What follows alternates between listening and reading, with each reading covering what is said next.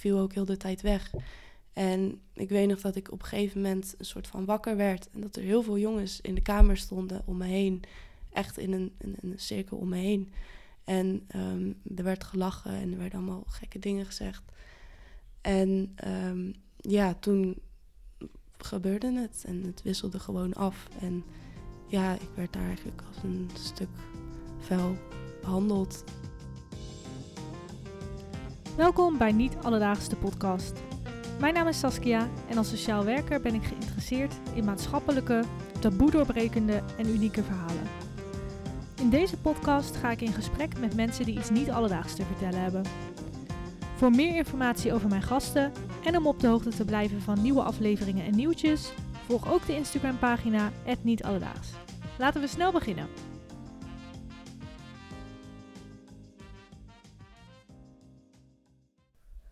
Vandaag bij Niet Alledaags is Janne te gast. Zij werd in 2019 op 15-jarige leeftijd slachtoffer van een groepsverkrachting. Hoe is dit gegaan en hoe heeft deze vreselijke gebeurtenis haar leven beïnvloed en dat van haar familie? Ze wil haar verhaal met ons delen. Janne, van harte welkom. Dankjewel. Fijn dat je er bent en allereerst uh, ontzettend moedig dat je je verhaal wil vertellen. Dus bedankt daarvoor. Ja, dankjewel. Uh, hoe gaat het met je? Ja, het gaat goed. Het gaat goed. Ja, dankjewel. Het is uh, inmiddels al een tijdje geleden, de gebeurtenissen waar we vandaag over gaan praten. drie jaar geleden? Ja, ja. Misschien al wat langer? Ja, misschien zelfs al wel langer inderdaad. Voordat we echt naar de gebeurtenis gaan waar we het vandaag over willen hebben, de groepsverkrachting, ja, wil ik eerst eigenlijk wat verder terug. Hoe was jouw jeugd? Uit wat voor gezin kom je? Um, nou, ik heb een super gezellig gezin eigenlijk. Wel, het is altijd al wel een aparte gezinssituatie geweest. Mijn vader is voor zijn werk altijd in het buitenland. Um, ja, is ook wel vaak thuis, maar is veel weg. Uh, als echt sinds we klein zijn, dus ik weet niet beter. Um, dus we waren heel vaak met mama en als papa dan thuis was, dan uh, was het super gezellig. En als papa weer weg was, was het ook super gezellig. Maar het was, ja, het is wel altijd wat aparter geweest dan een normale gezinssituatie. Ik heb een tweelingzusje. Ja, dat was vroeger niet altijd mijn beste vriendinnetje. We zijn heel erg verschillend. In, eigenlijk in alles. We lijken niet op elkaar. We vinden dezelfde dingen ook vaak niet leuk. Um, maar nu, nu we wat ouder worden, beginnen we wel echt vriendinnetjes te worden. Mooi. Ja. En je, je woont ook niet meer thuis nou, hè? Nee, nee dus, ik uh, woon nu, ik denk inmiddels al wel een half jaar niet meer thuis. Ik heb nu sinds uh, een paar weken mijn hele eigen kamer. Dus dat is super fijn. Mooi. Misschien scheelt dat ook dat je elkaar niet meer elke dag uh, ziet. dat je het dan juist wat beter met elkaar kunt vinden. Ja. dat kan soms ook schelen. Dus dan heb je jou, je tweelingzusje, je moeder en je vader. Dat ja. is jullie gezin. Ja, en ik was eigenlijk altijd, ben ik wel een beetje de, ja, de, het wat de moeilijkste dochter geweest, denk ik dat ik het zo wel mag noemen. Uh, ik was uh, ook voordat dit alles met mij gebeurde, had ik best wel een hittepetitje. Dus uh, als er iets gebeurde, dan was ik de eerste die stond te schreeuwen en ruzie zat te maken. dat heeft vaak voor vervelende situaties gezorgd. is vaak ook wel heel heftig. Uh, maar eigenlijk komen we er altijd wel uit met z'n allen. Maar we hebben wel echt tijden van heel veel ruzie gekend. En dan binnen het gezin? Of ja. jij ook met anderen? Nee, ja, uh, het was vooral wel binnen het gezin. Um, en na de gebeurtenis is, um, ja, was het ook wel. Iedereen die moest natuurlijk op zijn eigen manier het proberen te verwerken. Maar je wilde er toch met z'n allen voor elkaar zijn. Mm -hmm. En dat was lastig. En dat heeft ook wel eens moeilijke situaties gehad. Ja. Nou, dat kan ik me ook wel voorstellen na zo'n uh, na zo'n gebeurtenis. Ja, ja. Um, en ja, hoe ging het op school? Um, je bedoelt met, tijdens de, voor de gebeurtenis? Ja, voor de gebeurtenis. Uh... Ja, ik zat op de middelbare school. Um, ik deed mijn HAVO en het ging eigenlijk heel goed. Ja, ik, ik was... Ja, school is niet leuk natuurlijk. Dat vond ik toen ook al niet. Maar ja, eigenlijk, het ging hartstikke goed. En ja. uh, qua klasgenoten, contacten, had je veel, uh, veel vriendinnen, ja. vrienden? Ja, ik had altijd wel leuke mensen om me heen. En uh, ik maakte altijd met iedereen een praatje. En ik, was altijd wel, ik kon het altijd met iedereen wel vinden. Oké. Okay. En wat was jouw relatie tot de, tot de dader? daders, kende je die nee. van school? Of, ik kende ze niet. Um, wij waren die dag op een... Het was best wel lekker weer. En we waren bij een strandje. En ik was daar samen met twee vriendinnen... En eigenlijk zijn we ze daar tegengekomen. En dat was ook het eerste moment, diezelfde dag, dat ik ze tegenkwam. En ik kende ze wel van naam en een beetje via via, maar ik had ze nog nooit gesproken of gezien. Oké. De beruchte dag waarop het gebeurde Ja, eh, was volgens mij in eh, het voorjaar, ja 22 april. 22 april 2019. Hoe verliep die dag? Je, je vertelde net al, ik ging naar een st- strandje, het was lekker weer. Nou, mijn moeder was jarig die dag. Dus eh, ja, er was eigenlijk heel de dag visite thuis. En ehm, het, ja, ik was met mijn vriendinnen naar een strandje toe geweest, eigenlijk de hele middag. En ehm, we kwamen daar eh, de jongens tegen, daar hebben we een praatje meegemaakt. En ja, we waren 15 en nou, dan komen er een paar jongens naar je toe. En vind je dat natuurlijk wel interessant. Hoeveel jongens waren het? Ehm, op dat moment, het is natuurlijk lang geleden, dus ik, ja, ik kan me niet meer alles herinneren. Maar het waren er toen vier. En twee daarvan, die waren wel een beetje de, ja, de hoofdpersonen van de groep, zeg maar. En die kwamen naar ons toe en even een praatje meegemaakt. En die vroegen of we die avond langs wilden komen. En ik had eigenlijk zoiets van, oh ja, ik kan niet, mijn moeder is jarig en ik zal vanavond wel thuis moeten zijn. En ehm, toen hebben we een beetje eh, gegevens uitgewisseld. Toen zijn we naar huis gegaan en ja, mijn vriendinnen die wilden daar toch wel heel graag naartoe. En toen zei mama van, nou weet je, het is, ga lekker, je hebt de hele dag al lekker met hun geweest, dus eh, doe maar gewoon gezellig. Als je om 11 uur thuis bent, dan is het alles helemaal goed. Dus toen zijn we toch ehm, ja, daar naartoe gegaan. Want die jongens eh, die zeiden van we hebben een feestje of, of hoe ging dat dan? Ehm, ja, ze zeiden gewoon dat ze een gezellige plek hadden waar ze vaak met z'n allen samenkwamen. En ehm, ja, of wij daar naartoe wilden. Gewoon gezellig een avondje. Oké. Ja. Ehm, dus wij gingen daar naartoe ehm, en ze zouden ons dan komen ophalen.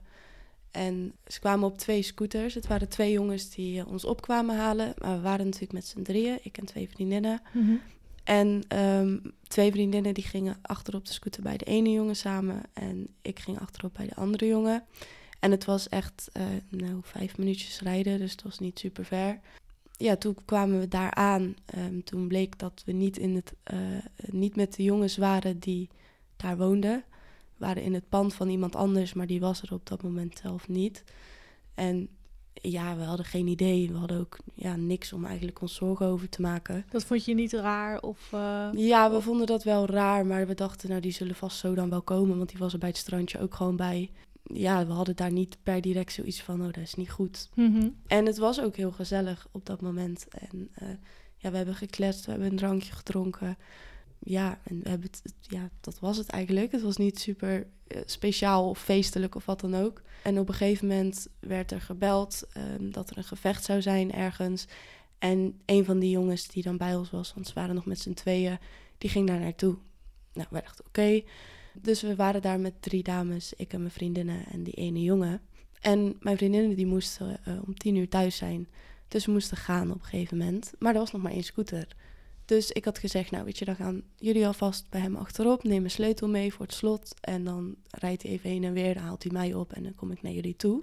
Nou, dus dat was gebeurd. Ik eh, had een drankje gekregen toen ze weggingen. ehm, ja, om te wachten. Want hoeveel mensen waren er toen nog? Alleen hij. Dus ik was helemaal alleen. Toen Helemaal- hun weggingen, toen was ik alleen in dat pand. Oké. Ja, en ehm, op dat moment had ik ook nog een vriend van mij gebeld. eh, van, oh ja, we zijn nu hier en hier. En eh, ja, gewoon even mee te kletsen, omdat ik daar alleen was. En ik had dat drankje gekregen en ik kan me niet meer precies herinneren wat het was. Maar volgens mij was het iets van cola met een beetje trojka, die zo'n roze Mhm, fles. ja. Maar ja, een heel klein beetje. En ja, op een gegeven moment voelde ik me een beetje dronken. En ik dacht, nou, dat zal wel aan mij liggen, want eh, ja, dat is mijn eerste drankje en ik drink nooit. Dus dat zal echt wel meevallen. En ik denk, tien minuten later kwam die jongen weer terug. Dus ik stond al op van, nou, le- let's go, we gaan. En ehm, hij zei, oh ja, wacht nog heel even. Eh, heel even nog wachten, eh, dan gaan we zo. Ik dacht, ja, oké. Dus ik ging weer zitten. En ja, ik voelde me helemaal niet lekker worden. Dus ik vroeg aan hem van, ja, wat is hierboven? En toen zei hij, oh ja, ga maar even kijken. En ik dacht, nou oké. Dus ik loop naar boven toe om te kijken. En er was een kamer. En ik liep de trap op. En wat ik me daar nog heel goed van kan herinneren... is dat ik de tree... Ik stapte de hele tijd mis. Dus het was ja, alsof je super dronken Je bent. was en- heel wankel. ja, ik was helemaal wazig. En dan moet je je voorstellen dat je een, best wel een flinke trap op moet. Dus ik kwam boven en ik ging op dat bed zitten. Want ik dacht, nou, het gaat helemaal niet goed. En ehm, die ene jongen die kwam ook naar boven. En eigenlijk vanaf dat moment weet ik niet heel precies meer wat er allemaal is gebeurd. Er zijn bepaalde stukken die ik dan nog weet. En ehm, het gevoel, hoe het voelde voor mij was alsof ik, ik zag mezelf. Dus ik, ik, ik zag wel wat er gebeurde. Maar ik, ik kon helemaal niks. Ik kon niet bewegen en ik, ik viel ook heel de tijd weg. En ik weet nog dat ik op een gegeven moment een soort van wakker werd. En dat er heel veel jongens in de kamer stonden om me heen. Echt in een, een cirkel om me heen. En ehm, er werd gelachen en er werden allemaal gekke dingen gezegd. En ehm, ja, toen gebeurde het en het wisselde gewoon af. En ja, ik werd daar eigenlijk als een stuk vuil behandeld. En ik weet, ehm, er zijn een paar beelden die heel erg bijblijven. Onder andere dat ik wegviel, echt gewoon een soort van in slaap viel. Ehm, en dat ik gewoon wakker geslagen werd van uh, ja, bijblijven. En dan wisselde het weer door en zo hielden ze me eigenlijk een beetje wakker. Ondanks dat ik toch helemaal weg was.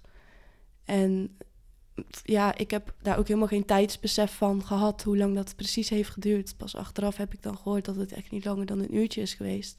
Dat vind ik aardig lang. Ja, in totaal, zeg maar. Het, was vanaf het moment dat ik wazig werd totdat ik thuis kwam ongeveer een uurtje.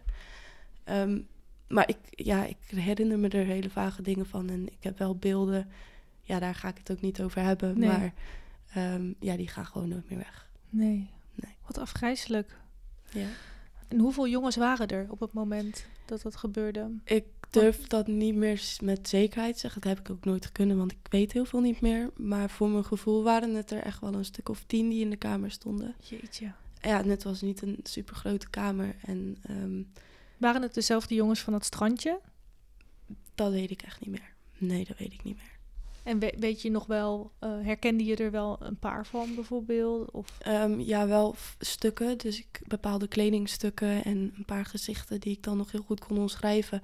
Maar ik kende twee bij naam en de rest van de namen wist ik überhaupt niet. Nee. Dus ja, dat, het was voor mij wel moeilijk. En dan haal je toch dingen door elkaar van, oh, had die jongen dan die broek aan? En hoe zag dat er dan ook weer uit? En de heftigere beelden, ja, ik heb er heel lang mee geworsteld of ik dat ik het dus niet meer zeker wist. En dat ik het wel nog heel erg kon voelen in mijn lichaam, maar dat ik het niet meer wist. En ehm, dat zijn de beelden die ik heb verwerkt, waar ik ook heel duidelijk in verteld werd van je moet deze beelden aan gaan nemen. Je moet niet blijven twijfelen. En nee, want je weet het niet voor niks meer. Nee, precies. En het, het, het, is logisch dat je niet alles meer weet, maar dat je wel bepaalde beelden nog heel goed hebt. En zo in detail, ja, dan, dan kan het niet anders dan dat dat is wat er is gebeurd. Mhm. En dat heeft voor mij best wel een tijdje geduurd voordat ik dat echt kon beseffen. Ik wilde ook eigenlijk helemaal niet beseffen dat zoiets heftigs bij mij zou gebeuren. Nee. Want ja, ik was echt wel een meisje die van me afbeet. En ook echt al van jongs af aan. Ik had al verteld, thuis was ik al een hitte petitje, maar buiten was ik dat ook. En als iets mij niet, niet aanstond, dan was ik de eerste die er wat van zei. Ja. En dat is voor mij heel moeilijk geweest. Dat ik zoiets heb mee kunnen maken. Terwijl ik juist eigenlijk altijd degene was ja, die nooit problemen had. Want ik, ik zei er wel wat van. En ja, jij stond je mannetje wel. Ja, precies. En ook, ook als iets met mijn vriendin aan de hand was, ik zou dan echt wel wat van zeggen maar dat, ja, ik kon het toen gewoon niet. Nee, want je bent dus gedrogeerd. Ja. Weet je uiteindelijk ook waarmee je bent gedrogeerd? Um, ze hebben uiteindelijk na heel veel onderzoek um, uit mijn haar, dan knippen ze echt gewoon, of ja, dan trekken ze echt een stuk haar gewoon echt uit je hoofd. En die gaan ze dan onderzoeken. Dat is gebeurd in België. En um, ze hebben daar ketamine gevonden mm -hmm. in mijn bloed. maar ketamine is best wel snel uit je bloed. En in je haar blijft het dus heel lang zitten, want je haar groeit mee. Dus in een lange haar kun je dus echt van jaren terug nog, nog, ja, nog oh. dingen terugvinden. Wat bijzonder, dat wist ik helemaal niet. Ja, maar ze konden dus, um, omdat het, dat hebben ze pas, uh, ja, ik durf niet meer zeker te ik denk een half jaar later hebben ze dat onderzocht. Um, waardoor ze dus niet meer precies de uh, hoeveelheid ketamine konden linken aan de bepaalde dag dat het gebeurd was. Wel periode, dus in de periode van april. Ja. Maar ze konden niet meer die dag. Nee, ze konden niet met zekerheid zeggen. Het zou, had ook gekund in theorie dat jij een week later met je vriendinnen gewoon ketamine had gebruikt. Ja, precies. En daarom konden ze dat in het onderzoek, hebben ze dat wel als bewijs gebruikt. Maar hebben ze het nooit met zekerheid kunnen zeggen. Nee. Nee. nee, maar het lag wel voor de hand. Ja, en Dat, eh, ook ehm, ja, de verhalen van andere meiden, dat is niet aan mij natuurlijk om te vertellen. Maar ja, het, het zijn gelijksoortige verhalen. En Ja. met dezelfde reactie, ja, dan kan het niet anders zijn dat daar iets in dat drankje heeft gezeten.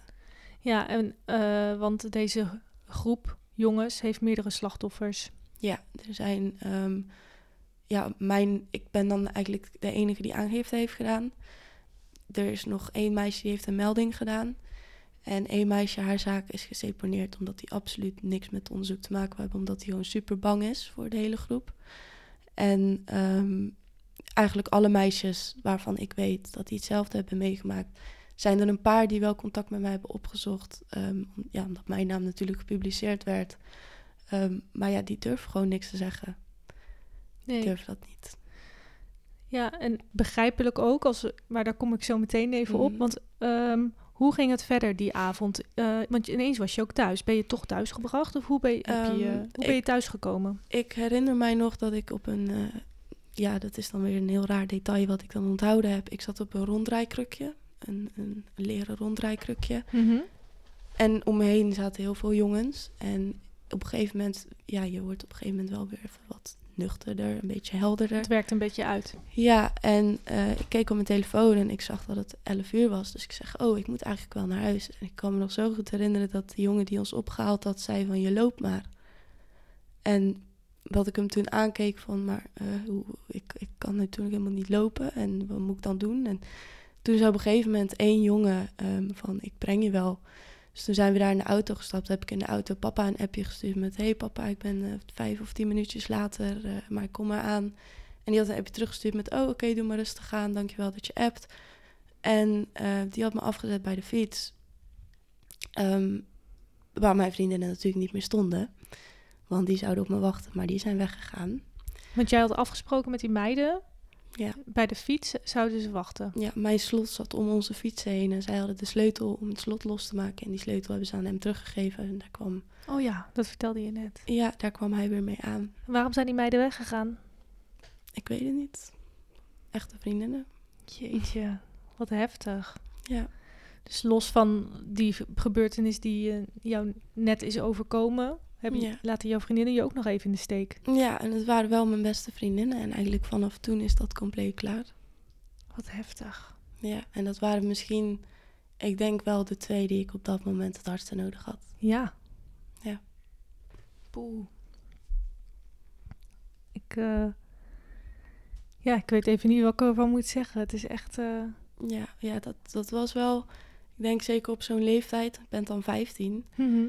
Ja, je hebt gewoon je vriendinnetjes en je zit met elkaar op school en dat, ja, dat gaat allemaal vanzelf. En dan gebeurt er zoiets en dan eigenlijk word je in, in, in zo'n kleine tijd heel volwassen. Want je, je moet je ineens van alles gaan beseffen en je realiseert je dat vriendinnen dus eigenlijk helemaal geen vriendinnen zijn. En ja, daar ben je dan toch wel je hele leven mee opgegroeid. dat heeft dus helemaal geen waarde, die vriendschap. Nee, Of die, die vriendschap had geen waarde. Nee, Nee. nee, nee. En ik denk dat dat voor mij op, mijn op 15-jarige leeftijd, als ik er nu. Voor mij is het altijd normaal geweest om een bepaalde mindset te hebben. Maar als ik er nu op terugkijk, denk ik, ja, op 15-jarige leeftijd had ik al zoveel dingen voor mezelf vastgebesloten. Van ja, vriendschap stelt niks voor. Seks stelt al helemaal niks voor. Eh, en voor mij was dat eigenlijk niet meer dan normaal. Maar als ik erop terugkijk, ja, een meisje van 15 moet dat nog gaan ontdekken. En die, natuurlijk krijgt hij een keer ruzie met de vriendinnen en zal dat klaargaan, maar niet zo heftig. En ja, dat is heel moeilijk als je daar dan op terugkijkt, dat dat voor mij zo snel is gegaan. Ja. En allemaal door die gebeurtenis. Ja, ja, dat het niet alleen een gebeurtenis is wat heel veel met je doet, maar eigenlijk heel je omgeving wordt op een of andere manier daardoor geraakt. En je, je stapt een soort van, je moet helemaal opnieuw beginnen. Met het vertrouwen van mensen en Ja. Ja, ik, ik ben ook best wel een tijd bang geweest voor eigenlijk alles om me heen. Als ik een scooter hoorde, dan nou, vloog ik nog net niet de bosjes in. En ook dat ik af en toe, en dat hebben we het vooral echt vlak daarna, dat ik naar school moest fietsen. En ja, ik kon al me wel en eh, ik had daar geen hulp bij nodig. En dan kwam er een scooter achter mij rijden en ik, ik, ik raakte helemaal in paniek. En ik belde mama helemaal schreeuwend op van mama, een scooter en je moet me komen halen. En die heeft me opgehaald en eh, die heeft me daarna de hele week naar school gebracht. Want dat waren dan die hele kleine dingetjes waar je dan in één keer weer helemaal terug was. Ja, het waren echt triggers die jouw angst Ja. eh, ja, weer helemaal terughaalden. ja. Ja. Nou ja, goed. Jij komt dus bij je fiets aan Ja, en, en ehm, dan fiets je naar huis. Ja, en ik heb op dat moment ehm, eh, die vriend waar ik eerder ook mee gebeld had, weer opgebeld. In tranen. En ik zeg, ja, ze hebben me aangeraakt en eh de, de kan toen niet en is dit goed en wat heb ik gedaan? En, en die zei gelijk van, oké, blijf met me bellen, we gaan naar huis. En eh, die was heel rustig en, en ehm, niet in paniek of wat dan ook. Ik was wel, ik was heel wazig nog, maar wel in paniek. En die heeft met me gebeld tot ik thuis was. En toen eh, zei hij van, nou, ga, je gaat het gelijk vertellen. Dus ik denk dat doordat hij dat zo heeft gezegd, dat ik ook dacht van, ja, ik, ik moet het nu ook vertellen. En toen ben ik naar boven gelopen en mijn ouders lagen al te slapen. Of ja, die lagen in bed. En ik kom naar binnen en ik ga op het bed zitten en ik begin te huilen. En ik zeg, ze hebben me aangeraakt, ze hebben me aangeraakt. En mama zegt, wie heeft je aangeraakt? En dan papa die zegt, het zijn die jongens, het zijn die jongens. En eh, dus die vliegt uit bed en die, doet, die, die, die slaat tegen de muur aan en heel zijn hand ligt open. En die, die flipt hem helemaal en die belt mijn oom op. En eh, mijn oom die woont in Waalwijk en die is echt binnen een kwartier is hij naar Den Bosch gereden. En eh, toen is papa met een honkbalknuppel, eh, ja, die, die, die kende dus wel blijkbaar die familie. En die wist, ik had verteld waar het was. En die is er echt zonder te aarzelen naartoe gereden met mijn oom. En die Gewoon in een waas. ja, maar op dat moment was al de politie gebeld en de politie was ook onderweg daar naartoe. En ik denk dat we wel van geluk mogen spreken dat die daar eerder waren dan mijn vader. Want die hebben mijn vader echt gewoon op een gegeven moment echt heel erg rustig moeten gaan houden. Want die was natuurlijk helemaal aan het doordraaien. Ja. En ehm, later is dat ook nog wel door hun gezegd van ja, maar die vader die is ons strijkend naar ons toegekomen en zo. Maar dat ja, heeft de tegenpartij eh, in de rechtszaak gebruikt. ja, terwijl ja, ik, ik denk dat dat is voor mijn vader is dat heel moeilijk geweest. Ja. Ja, en ja, ik zat daar met mama. En eh, de politie die, die was onderweg. En die waren er. En toen zijn we in de auto gestapt. En ik was alleen maar aan het huilen. En ja, dan op een gegeven moment komt het allemaal binnen wat er is gebeurd. En, Dat was ehm, allemaal dezelfde avond. Ja, Want ja. jij was om, dus om kwart over elf of zo pas thuis. ja, en ik denk dat we om half twaalf in de auto zaten met de politie. Zo. Dus die waren, echt binnen no time. Wat goed. Ja, Dat is dan wel echt goed. Ja, en toen kwamen we op het bureau aan en eh, ja, niemand had nog echt goed naar me gekeken. En toen, op dat moment deden ze dat wel. En ja, ik, ik was bont en blauw en de handen stonden nog op mijn lichaam. Zo. Echt gewoon de handafdrukken. En, eh, Heb je dat op dat moment ook gevoeld? Dat je dus... Ja, ja, Want je bent dus ook echt geslagen. ja, ja. En eh, op, ja, daar werden gelijk foto's van gemaakt natuurlijk. En eh, toen, ja, de politie was ook natuurlijk best wel, eh, ja, die, die, die zagen dit natuurlijk niet aankomen. Dus toen was het, ja, ik moest naar het ziekenhuis. Ik moest natuurlijk medisch onderzocht worden.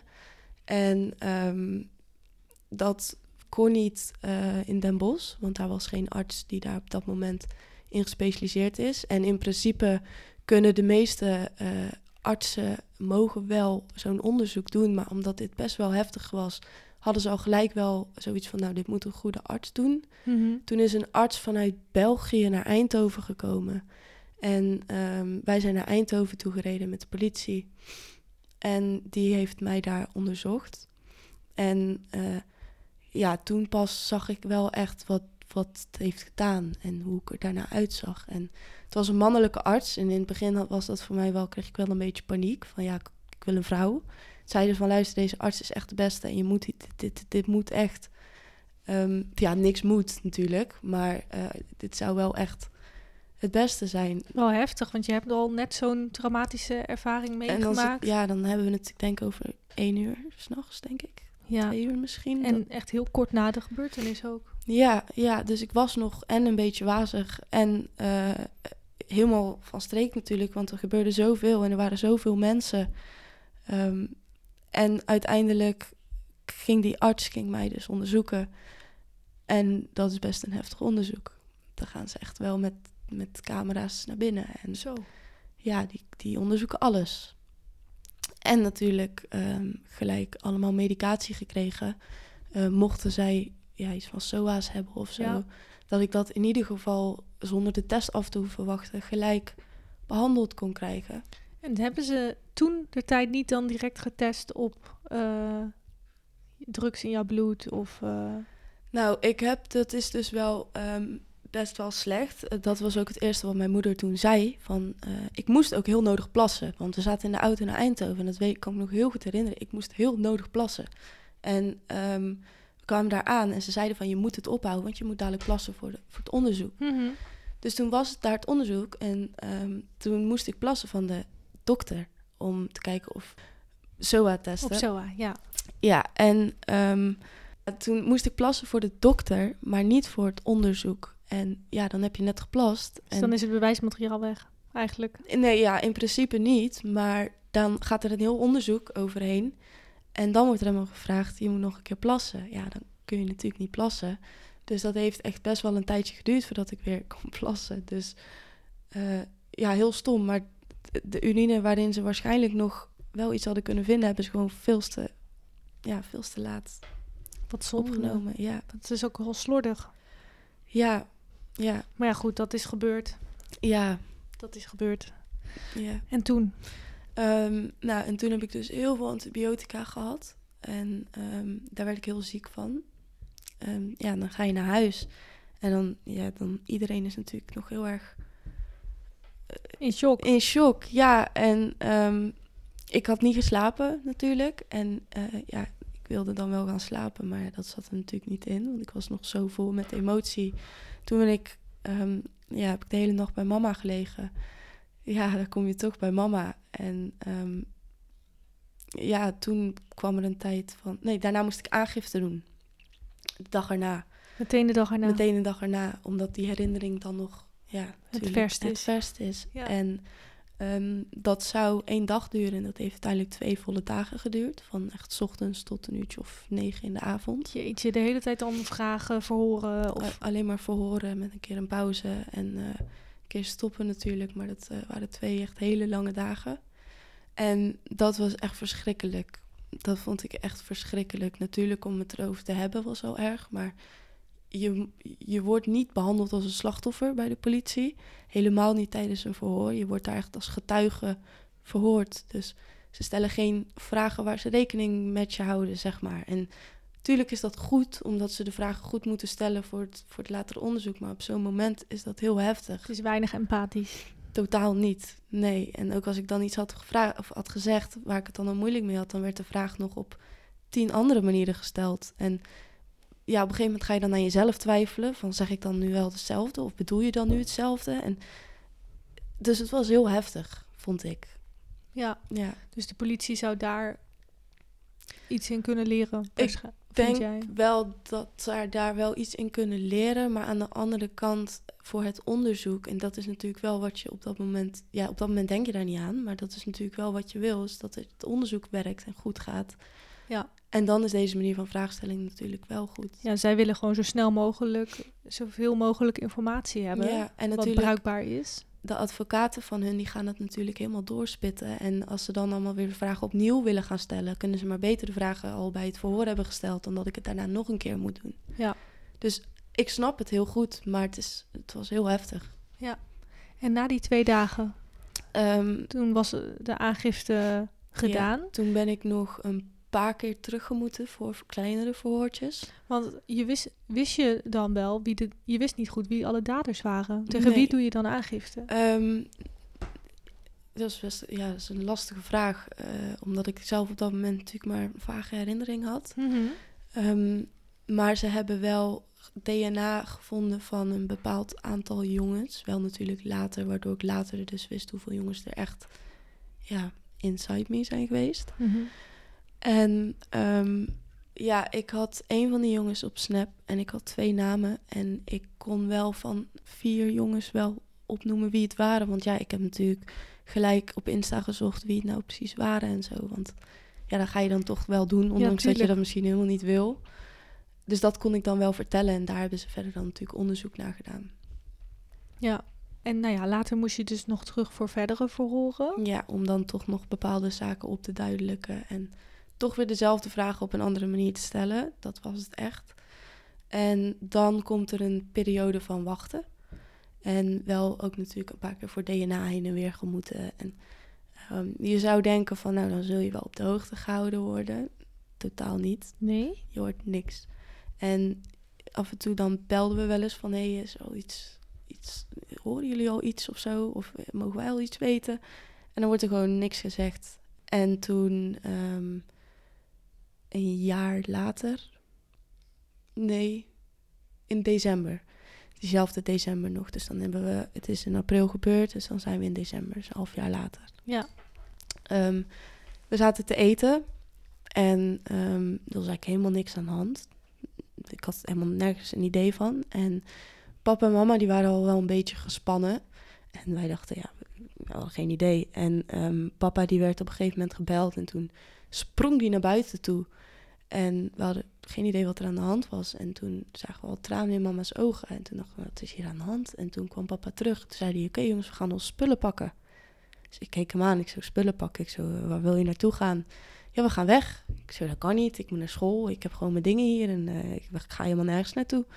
Ja, uh, we gaan niet in discussie. Telefoons nu inleveren en we gaan. Huh. Dus ik dacht, nou, dit is een grap. Ik zo, ik ga er niet mijn telefoon inleveren. En uh, uiteindelijk dan toch maar gedaan.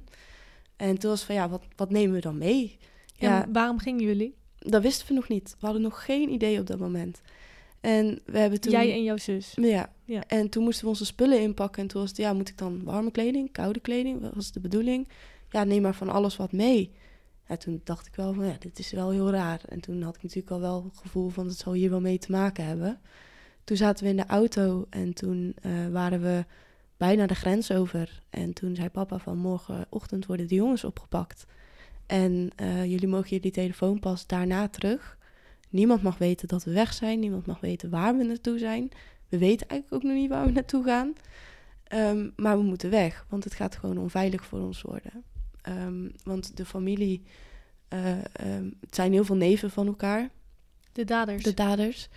En ja, het is best wel een beruchte familie in Den Bosch. En ja, iedereen kent ze ook. En uh, ja, je wil daar geen ruzie mee hebben.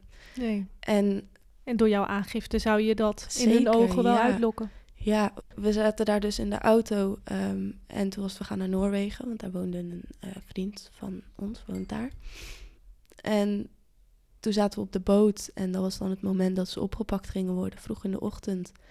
En, uh, die zijn van hun bed gelicht? Ja, die zijn heel vroeg zijn ze van hun bed gelicht. Uh, met flink geweld heb ik achteraf ook gehoord. um, en ja, toen begon het hele mediacircus. En daar was ik absoluut niet op voorbereid. En nee. ik had daar ook geen idee van dat dat zou gaan gebeuren. En um, wat bedoel je met mediacircus? Het stond overal. En het, het, we, kon, we, zaten, we waren nog niet eens in Noorwegen aangekomen. We zaten in de auto en we konden al berichten lezen. Zodra we weer bereik hadden, we van de ferry af waren, konden we alle nieuwsberichten lezen. En uh, de dag daarna is het ook op het NOS-journaal geweest van uh, dit is er gebeurd. Ja, en dan ben ik weg. En mensen die dicht bij me stonden, die wisten natuurlijk van wat er was gebeurd. School wist het. Um, iedereen op school wist het. Uh, want dat heb ik moeten vertellen, soort van. En, um, van wie? Ja, wij, hebben, wij wonen in een rijtjeshuis. En het was best wel lekker weer. Dus we hebben al telefoongesprekken hebben we buiten gevoerd. Mijn buurvrouw heeft dat opgepikt die heeft dat weer tegen de volgende verteld. Die heeft het weer tegen de volgende verteld. En toen, ja, in de buurt wisten ze het. Ja, en nou... Zoiets gaat als een lopend vuurtje. Ja, en er was een van die meisjes, die zat ook bij ons op school. Die daar ja. woonde. Dus toen je was houdt het, het gewoon niet geheim. Nee, toen was het de keuze, ga je het geheim houden? Gaan mensen er een verhaal van maken en het opblazen? En, nou, je weet hoe het gaat. Of vertel je gewoon zelf. Of vertel je wat er is gebeurd. Ja. En is er geen, geen mogelijkheid tot, dit, tot gekke verhalen. En die meiden waren er ook bij die jou eigenlijk achter hebben gelaten. Die wisten ook wel wat er was gebeurd, toch? Ja. ja. Maar daar heb ik nooit wat van gehoord. Nee. Nee. Dat vind ik nog steeds onbegrijpelijk. Maar, ik ook. maar goed, um, ja, wat dat betreft is Den Bosch gewoon een groot een dorp. dorp. En iedereen uh, kent, elkaar kent iedereen. En, uh, um, en zoiets gaat dan als een lopend vuurtje. Ja, dus ja, dan ben ik weg. En um, de jongens worden opgepakt. En dit zo'n verhaal komt er in één keer tevoorschijn. Ja, toen kon iedereen wel de optelsom maken dat het over mij ging. En um, ik heb daarop heel veel steun gekregen van mensen die wel echt een medeleven deelden en zo. Wat ik overigens verschrikkelijk vond. Want ik wilde helemaal niet gezien worden als een slachtoffer en zielig. En ik wilde niet als zwak gezien worden. Want Nee, want jij bent Janne en jij bijt van je af. en jij staat je mannetje wel. Precies, en ik, ik vind het verschrikkelijk om, om, om zielig gevonden te worden. Of ja, als ik een pijntje heb, dan hoor je me al niet. Want eh, dat is mijn probleem en eh daar hoeven jullie allemaal verder niks mee. Dus dat vond ik heel lastig, dat ik toch op een bepaalde manier moest gaan accepteren dat ik iets heel heftigs had meegemaakt. Ja. En dat, ja, dat vind ik nog steeds heel moeilijk. Ja. Ja, Ja. dat kan ik me... Ja, ik kan me niks bij voorstellen bij het vreselijke wat jij Mhm. meegemaakt moet hebben. Maar ik kan me voorstellen dat jij niet in die rol wil zitten van, Nee. van slachtoffer. En eh, nee. ja, het is toch een feit dat je, dat je het hebt meegemaakt. Ja. eh, En naast alle steun die ik kreeg, heb ik ook wel het een en andere bedreigingen gekregen. En eh, ook wel heftige bedreigingen van vrienden, familie, van de daders. Ehm, met ja, we komen je wel tegen en we weten waar je woont. En eh, je liegt. En ja, mensen geloven het niet. En dan op Facebook wordt er zo'n artikel dan geplaatst. En dan zetten ze die reacties aan. Ja, nou dan gaat natuurlijk het helemaal los. Dan heel Nederland heeft een mening. En die ja, die delen ze wel. En of ze mij daarmee kwetsen, ja, ik, mij persoonlijk kwetsen ze er niet mee, want ik, ik, ik lees het niet. Maar ehm, het, ze zeggen best wel heftige dingen en ook wel bedreigingen. En eh, mijn naakfoto's die zijn eh, op Facebook gezet door de moeder van een van de daders. Die, is die, die heeft die bemachtigd op een of andere manier. heeft de dader foto's gemaakt tijdens de groepsverkrachting? Ik heb flitsen gezien, maar dat is nooit bewezen. Tenminste, niet wat ik weet, hebben ze dat nooit kunnen bewijzen. Ja. Ehm, maar mijn naakfoto's zijn in het verleden wel al een keer geëxposed. Ehm, en ja, die moeder is daar, die heeft die gekregen op een of andere manier. En die heeft die gewoon op Facebook gezet met, ja, dit is eh, het meisje die zichzelf nu dit en dit noemt. Maar kijk wat ze allemaal naar iedereen stuurt. En eh, ja, Een moeder. ja, Jeetje. dus het werd op Facebook werd het wel een heel, eh, ja, een, ja, hoe zeg je dat? Een heel drama, ja. Ja. En ik, ik wilde het echt niet lezen. En mijn moeder, ja, dat, dat vond ik wel zielig, die ging het wel lezen. En die zat dan ook af en toe kei boos te vertellen wat ze las. En eh, dat ik dacht van, ja, weet je, ik, ik wil het helemaal niet weten. nee, ik wil het niet horen. Nee, ja, dat moet- mijn moeder die zat gewoon 20.000 reacties te lezen. Dat ik dacht, ja, Je dat maakt, wil je niet. Nee, je maakt het alleen maar moeilijker en pijnlijker Ja. voor jezelf. Maar ik, ja, ik kan me wel goed voorstellen als moeder dat je toch wil zien wat er over jouw kind geschreven wordt. En dan heb je natuurlijk nog het nieuws waarin alles verdraaid wordt. En Ja. koppen die daar dan ingezet worden met de daders hebben het zo zwaar. En dat, ja, weet je, dan, dan vraag je er gewoon, denk ik, als, als krant zijnde om, om onrust te veroorzaken. Ja. Daar vragen ze dan gewoon om. En op een gegeven moment was er dus ook echt wel een heel heftig stuk in de krant. En mijn vader heeft toen ook gelijk gebeld van, eh, dit moet eruit. En eh, ja, die hebben het er toen wel gelijk uitgehaald. Ehm, Want wat stond er in dat stuk? ja, echt een heel stuk over eh, de daders en hoe zwaar hun het hebben. Want ja, die werden toen in een voorarrest gezet. Ehm, maar ja, we weten allemaal dat het natuurlijk niet heel chic is als je in, vastzit en ze weten dat het voor zoiets is. Nee.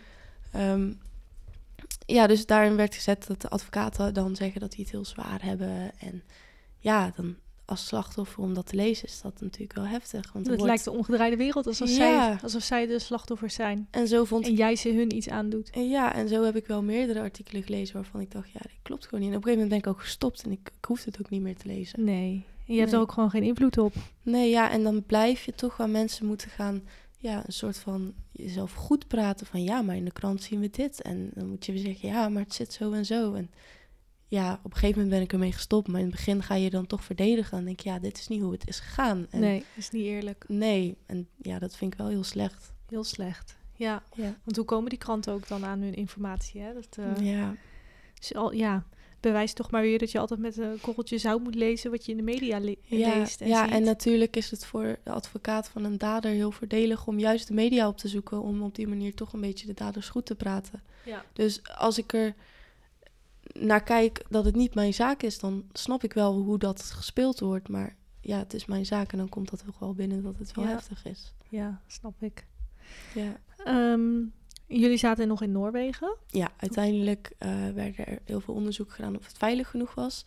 En we zouden er een paar dagen blijven. We zijn er drie weken geweest. Wow. Want het was niet veilig. En ik werd nog steeds heel veel bedreigd. Hoe En, werd je bedreigd? eh, vooral via DM. En we hebben toen vanuit de politie wel meegekregen om alle social media eh, op onbekend te zetten, zeg maar. Dus dat had ik ook gedaan. Maar ja, Qua locatie bedoel je? Of?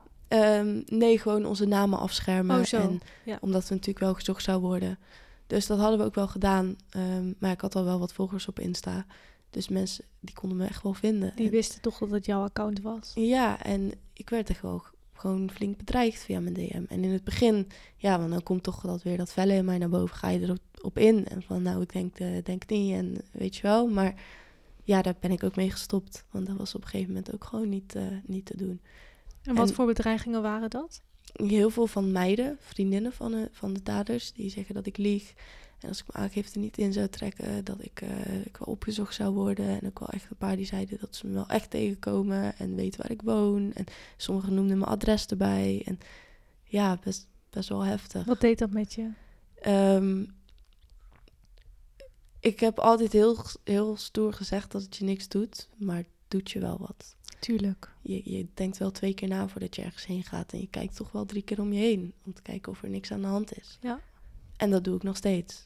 Ja. Ja. Drieënhalf jaar later. Ja, dan ben ik nog steeds...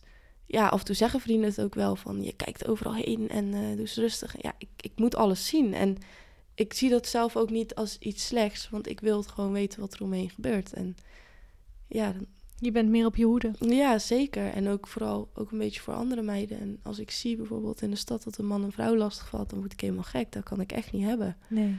En dat is denk ik nog wel wat je nu het meeste aan me kan merken. Als je dan gaat kijken wat het nu nog heel erg met me doet, dan is dat alert zijn iets wat nooit weggegaan is. Ja. Dat lijkt me ehm, ook wel heel vermoeiend. Dat je continu eigenlijk op scherm staat. Ja, ik, ik wil niet anders. Nee, Nee. Het voelt anders niet veilig. nee. Nee. Na drie weken zei de politie van het is nu veilig genoeg. Jullie kunnen Ja. weer naar jullie huis. Ja, ja, en toen gingen we naar huis. Eh, toen we in Noorwegen zaten, ze zaten natuurlijk in voorarrest. En dat gaat eerst een paar dagen en dat wordt dan verlengd. En we waren heel veel in contact met de politie. Want op dat moment hoorden we natuurlijk wel weer heel veel dingen. En ehm, er werd tegen ons gezegd, ja, er, wordt, er komt dan zo'n zitting om te kijken of ze langer moeten blijven zitten. Maar die blijven wel zitten en daar hoef je geen zorgen over te maken. Toen zaten we daar en toen eh, was het nee. Ze, ze, ze gaan uit het, uit het voorarrest. Ze mogen weer naar buiten. Ja, en dan moet je, dan, dan gaat de media daar natuurlijk ook weer in door. Maar ik, ik, ik zat daar en ik dacht, het, het gaat nooit meer goed komen. En als ze nu al nou, zo snel alweer naar buiten mogen, dan, eh, ja, dan is het klaar. En toen zaten we daar ook en toen hadden we ook echt zoiets van, nou, als, als dit is hoe het gaat, dan, dan emigreren we naar Noorwegen. Dan blijven we hier, dan, eh, dan hoeft het niet meer. Ik was heel boos. Ja, en ook wel een beetje, ja, Voelt je niet gesteund? Nee, en vooral de politie die zegt dan heel erg van... oh, je hoeft je geen zorgen te maken. Ze, gaan, ze blijven zitten en we hebben zoveel bewijs... en we pakken ze pas op als we genoeg bewijs hebben. En dan zijn ze opgepakt en dan mogen ze weer naar buiten. Hoe lang hebben ze in voorarrest gezeten? Eh, uiteindelijk een half jaar. Maar de eerste rechter die tijdens de eerste zitting eh, daar was... die heeft ze vrijgesproken. Daarop is justitie Op grond waarvan? Ehm, dat weet ik niet meer precies. Ja, er is zoveel gebeurd qua politie dat ik het op een gegeven moment ook gewoon een Nee, beetje dat- los heb gelaten. Ja, dat kan ik me voorstellen. Ja, maar toen is uiteindelijk een andere rechter erna gaan kijken en die heeft toch gezegd: nee, ze blijven gewoon zitten. Dus toen zijn ze toch allemaal weer naar binnen gegaan. En, En om hoeveel mensen, hoeveel mannen gaat het? Of jongens? zes. Zes. Zes jongens, ja. En ehm, toen is ons, werd ons wel al vrij snel verteld dat ze ervan uitgingen dat er eentje geseponeerd werd. Ehm, en dat is toen ook gebeurd, al vrij snel, vanwege te weinig bewijs. Ehm, en ja, dat was wel iemand waarvan ik wel wist dat het wel zo was. Maar ja, bewijs is bewijs. En ehm, dus die werd vrijgesproken, dus toen waren het er nog vijf. Ehm, ja, ik, ik ga niet te veel over de uitspraak, want het is zo lang geleden ook dat ik daar een beetje, ik heb Mhm. het een beetje losgelaten. Ehm, maar ja, dan komt een onderzoek en dan gaan ze natuurlijk een half jaar in voorarrest en langer kan ook niet. En dan gaan ze weer naar buiten. En dan kunnen ze gewoon weer alles doen wat ze willen doen. En ja, dan hebben ze een contactverbod en een gebiedsverbod. Maar ze kunnen wel weer alles gewoon doen. En dan ga je ze ook tegenkomen. En ik kwam ze ook tegen. eh, Je bent ze tegengekomen. ja, ja, en ik weet nog, de eerste keer, dat was met mama, toen zag ik een van de jongens. En toen, ehm, ja, toen stond ik stil en ik wist helemaal niet wat ik moest doen. En mijn eerste reactie, was, ik vlieg hem aan. Maar toen dacht ik, nee, ik moet uit de buurt blijven. En ja, ik stond stil en mama had echt zoiets van, doe je nou? En ik zei, ja, er was er één. Ja, dat, dat, ben ze wel een paar keer tegengekomen dat het me echt wel wat deed. En nu kom ik ze nog steeds af en toe tegen. En dan, ja, je kijkt elkaar niet aan en het is gewoon heel naar gevoel wat je dan krijgt. Ben je bang? Ik wil nu heel stoer zeggen nee, maar misschien wel een beetje. Ja. Ja, ik denk wel, ja, ik, ik zal natuurlijk hun leven wel ook veranderd hebben. En Ja. misschien was dit wat ze gedaan hebben voor hun alledaags ding, maar voor mij niet. En Nee, Ik- het is ze- zeker niet alledaags. nee, nee. En ja, dus het zal voor hun, eh, ja, hun zullen vast boos zijn. Ja. Nou ja, en dat is wederzijds. Ja, tuurlijk, ja. Ja. Nu lopen er nog steeds rechtszaken. Ja, ehm, de uitspraak is vorig jaar geweest. Dus echt precies een jaar geleden. En ehm, ze hebben eh, allemaal twee jaar gekregen. En eentje heeft meer gekregen. Ehm, ik weet niet meer precies hoeveel. Want kijk, mij ging het niet om de straf. Ik bedoel, je kan iemand... Tuurlijk had ik het liefst gehad dat ze levenslang kregen. Nou, mij wordt de doodstraf. Maar ehm, het ging mij echt niet om de straf. Het ging mij gewoon omdat daar een rechter was die na al die jaren eindelijk zei: Ja, ze hebben het gedaan. Dat, er, niet meer mezelf hoefde te Ja, verdedigen. dat je of- je gelijk krijgt. ja, precies. En wat voor straf ze dan kregen, dat interesseerde me echt niet meer. Het was, dat was het voor mij. Ik vind twee jaar wel heel weinig. Ja. En daar gaat er nog een half jaar vanaf, omdat ze al een half jaar in voorarrest hebben gezeten. Dus voor een groepsverkrachting van een meisje van 15 staat eh, twee jaar celstraf. Ja. Jeetje. En ehm, de jongens zijn nu natuurlijk nog steeds vrij, want ze zijn in hoger beroep gegaan. En dat loopt nu op dit moment nog steeds. En ze verwachten dat dat. Maar de verwachtingen, daar neem ik al helemaal niet meer serieus. Ehm, ze verwachten dat het eind zomer volgend jaar het hoger beroep klaar is. En dan kan er nog iets gestart worden. En dan duurt het, kan het nog weer een jaar duren. Dus het, ja, het kan nog heel lang duren voordat ze vastzitten. Ja. En er is één van de jongens geweest die heeft ehm, gezegd: Ik accepteer mijn straf. En die zit wel vast nu. Oké. En die heeft ook gezegd als hij vrijkomt dat hij teruggaat naar het land waar hij vandaan komt. Dus dan eh, hoef ik die nooit meer te zien. Nou, dat scheelt. Ja, Jeetje. Ja, want ik denk ook, ehm, ik vind het ergens ook zo'n belediging dat je dan dus maar twee jaar krijgt voor zo'n ontzettend eh, groot misdrijf. Ehm, ik vind het eigenlijk nog een trap na naar jou, naar het slachtoffer, om dan daar nog tegen in hoger beroep te gaan. ja. En die zaak, eh, toen die voorkwam, ik was daar. Ik heb ook spreekrecht gedaan. Dus ik heb ook een brief geschreven die ik aan ze heb voorgelezen. Ehm, dat was eigenlijk de eerste keer in alle tijd dat ik erover praatte. Gewoon in het openbaar. En ik heb ze daarin gewoon verteld hoe ik het heb ervaren en wat het met mij heeft gedaan. En het kwam gewoon helemaal niet binnen. Ze keken me niet aan. Ze, ze keken gewoon weg. En ze deden alsof ze het echt niet interesseerde. Nee, Nee. maar dat heeft de rechter ook gezien. Ja, ja, en de rechter heeft ook op een gegeven moment eh, gezegd van... ik hoop dat de woorden die ze net gezegd heeft bij je binnenkomen. Zei, knikte die nee. En ja, een rechter die zei toen van... dan vind ik je wel gewoon echt... eh, ja, dat kan gewoon niet. Nee. heeft de rechter toen gezegd. En dat waren dan nog de stukken waar ik bij geweest ben. En mijn plan was om erbij te blijven... omdat ik wilde weten wat de onderzoeken precies uitgebracht waren, zeg maar. Mhm. Ehm, maar op het moment dat de advocaten begonnen te praten, toen eh, was ik wel binnen een half uurtje weg. Want het, wat, die ding, wat, wat die konden zeggen was echt abnormaal. Die hebben me echt helemaal de grond ingewerkt. En ik was een slet en eh, ik ben altijd al een slet geweest. En eh, dit vond ik leuk en dit doen meiden van mijn leeftijd. En, Dat zei de advocaat van de tegenpartij. Ja. Jeetje. en ik lieg en eh, ik heb al veel, ik heb veel meer sekscontacten en ik was 15. Poeh. Ja, dus toen ben ik wel heel snel weggegaan. En mama ook. Papa is gebleven. En die hebben ze op een gegeven moment toch wel naar buiten begeleid. Omdat hij toch echt de stoel aan het eh, kapot drukken was van... eh, dit, dit gaan we niet doen. En hoe reageerde de rechter daarop? Ik vind dat nogal...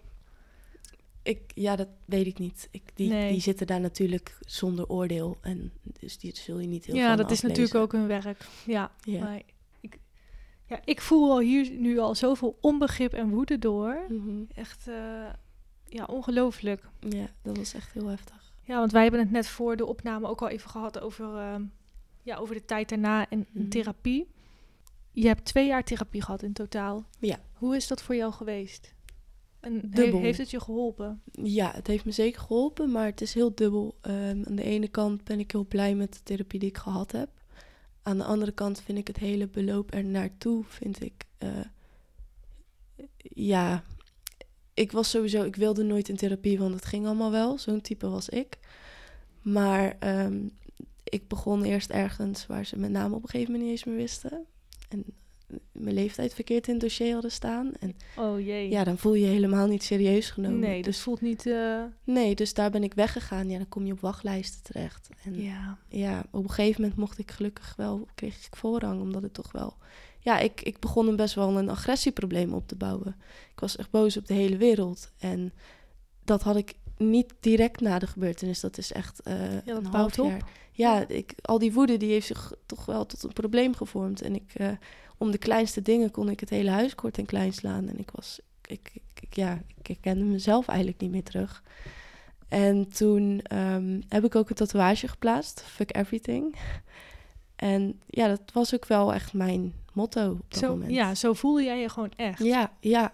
En dat was ook wel het moment waarop iedereen om me heen zag dat het echt niet goed met me ging.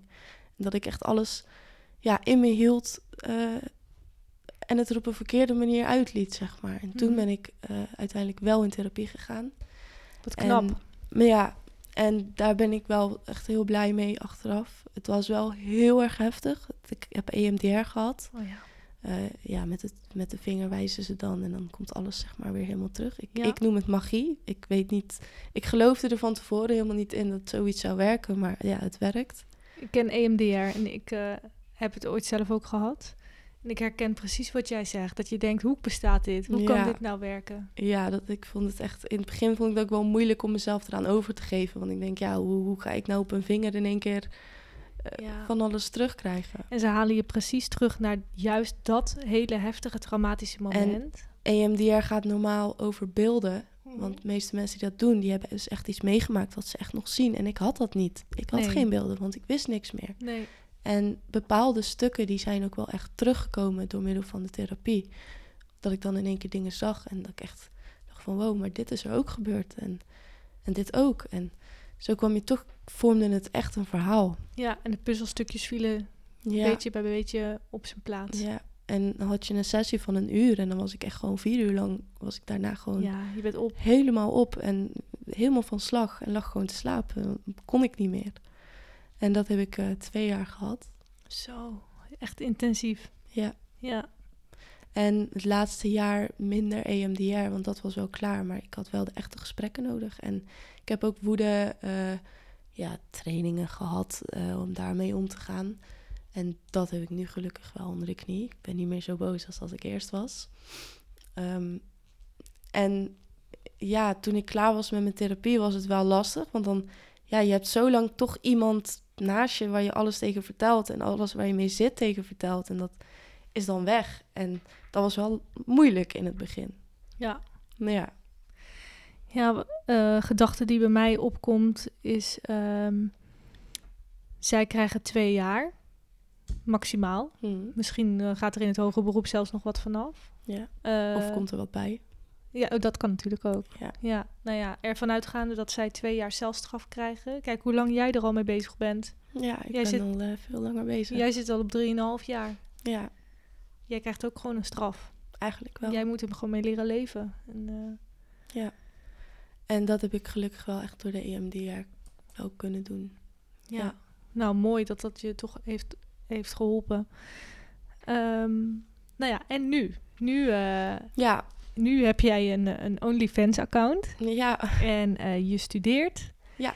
En je geeft wel eens een keer een gastles eh, bij een eh, maatschappelijke zorgopleiding ja. over deze heftige gebeurtenis. Eh, je vertelt bij mij in de podcast je heftige verhaal. je hebt een bijbaantje in een, eh, in een club of in, Ja. een, eh, in een kroeg. Ja. Ehm, dus je doet eigenlijk een hoop dingen. Ja. Ehm, ik sloeg zelf ook meteen aan op OnlyFans, want dat vind ik ook niet alledaags. En eh, ik heb wel eens eerder iemand in de podcast gehad eh, die aan OnlyFans doet. Ehm, best wel een heftige, heftig besluit, want je bent 18. Ja. Je zei ook, ik ben eigenlijk vlak na mijn 18e begonnen met OnlyFans. Eh, denk jij dat, dat er een relatie zit tussen de gebeurtenis en jouw keuze voor het opstarten van een OnlyFans-kanaal? Ja.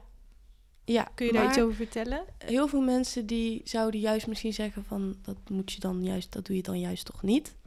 Ehm, maar wat ik me eigenlijk, ehm, mijn eerste fotoshoot die ik deed was niet om OnlyFans of ik had, daar had ik echt nog geen idee van dat ik dat zou doen. Mhm. Ehm, mijn eerste shoot die ik deed, eh, realiseerde ik me eigenlijk wel van, weet je, ik ben gewoon mooi. En eh, ja, waarom zou ik dit niet kunnen doen omdat ik iets heb meegemaakt? En vriendinnen zeiden ook wel van, maar moet je dit dan wel doen? En eh het is toch een raar beeld wat je dan afschermt. En toen dacht ik van, ja, ik wil juist tegenovergestelde bewijzen.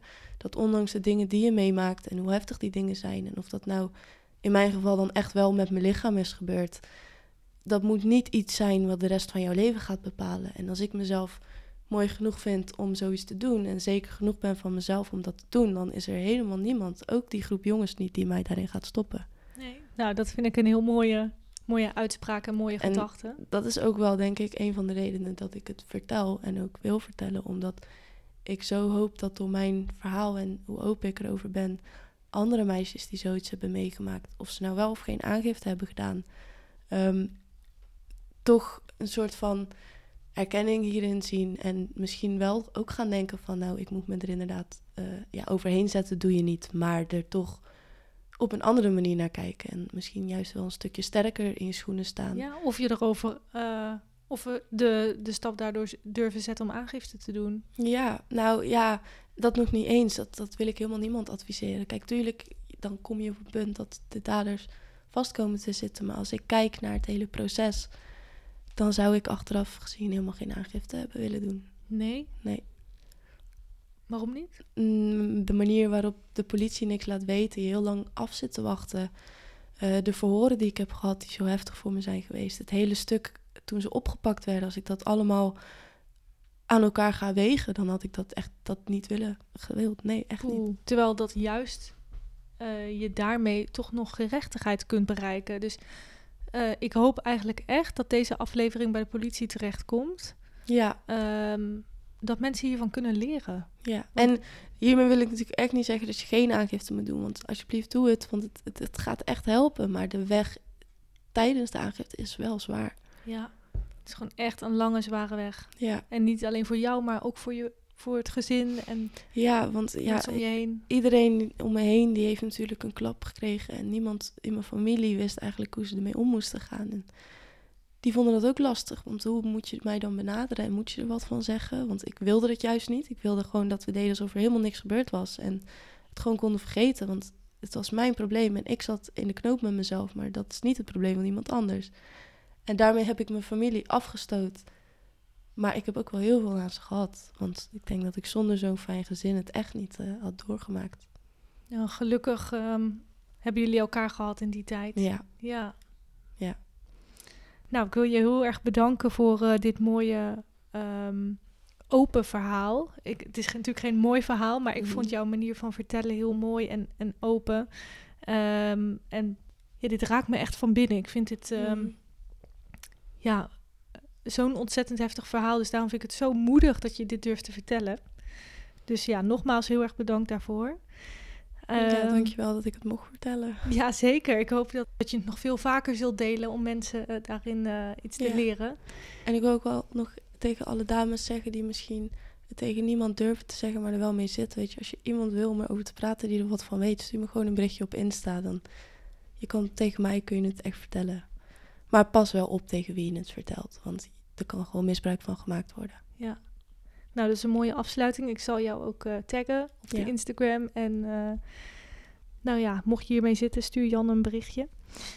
Ehm, dan wil ik nu nog even door naar het laatste onderdeel. Dat is de tas van Sas. Dit is hem.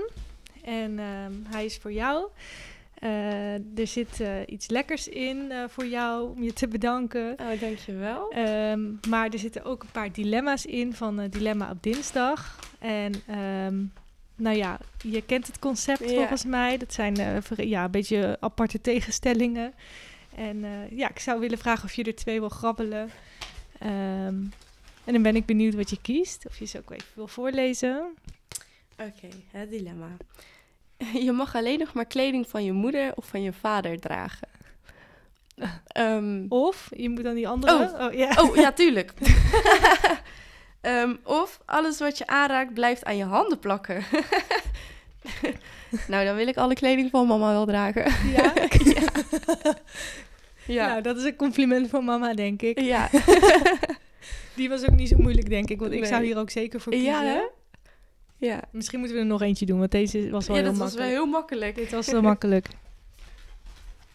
Oké, je moet je partner overal naartoe brengen op je rug.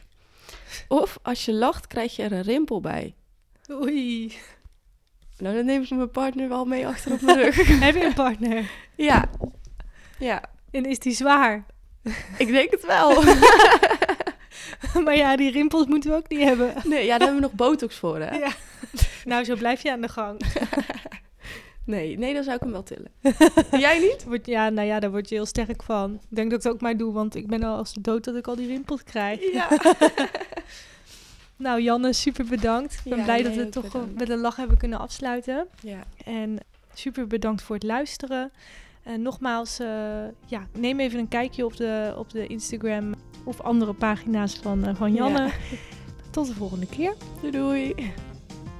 Dit was hem dan. Niet alledaagse podcast.